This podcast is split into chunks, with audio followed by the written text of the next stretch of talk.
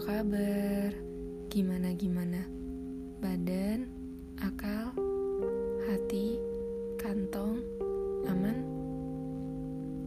Kalian bosen gak sih sama pembahasan di podcast ini?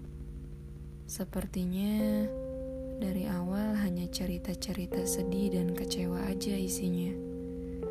Sejujurnya, saya sendiri tidak tahu makna dari nama podcast banget ini apa. Jujur, untuk memutuskan bikin podcast, sebenarnya karena saya tidak menemukan tempat di mana untuk saya mengeluarkan amarah, kecewa, senang, dan bahagia.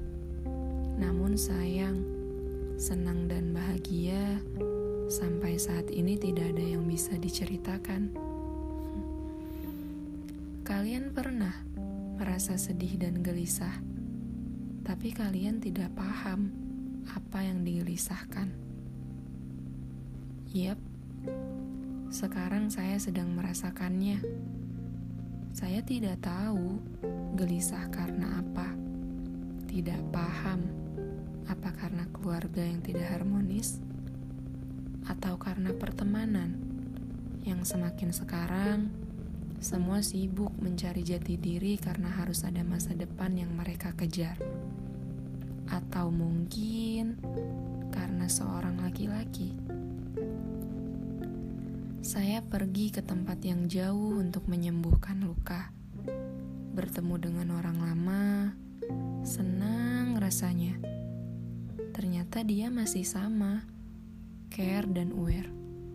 Namun benar, sesuatu yang dipaksa itu tidak akan berujung baik.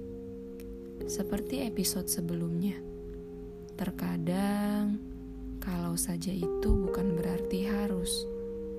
Keadaannya sudah berbeda, dia sudah menjadi milik yang lain.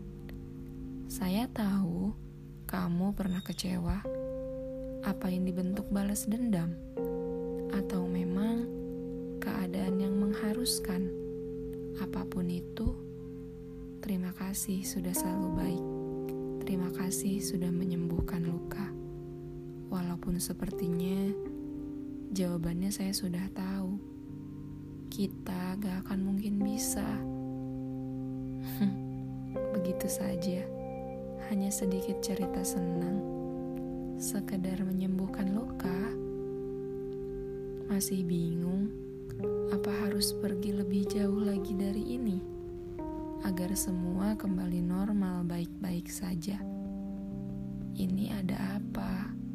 Tidak terasa, bulan semakin lanjut, larut semakin larut.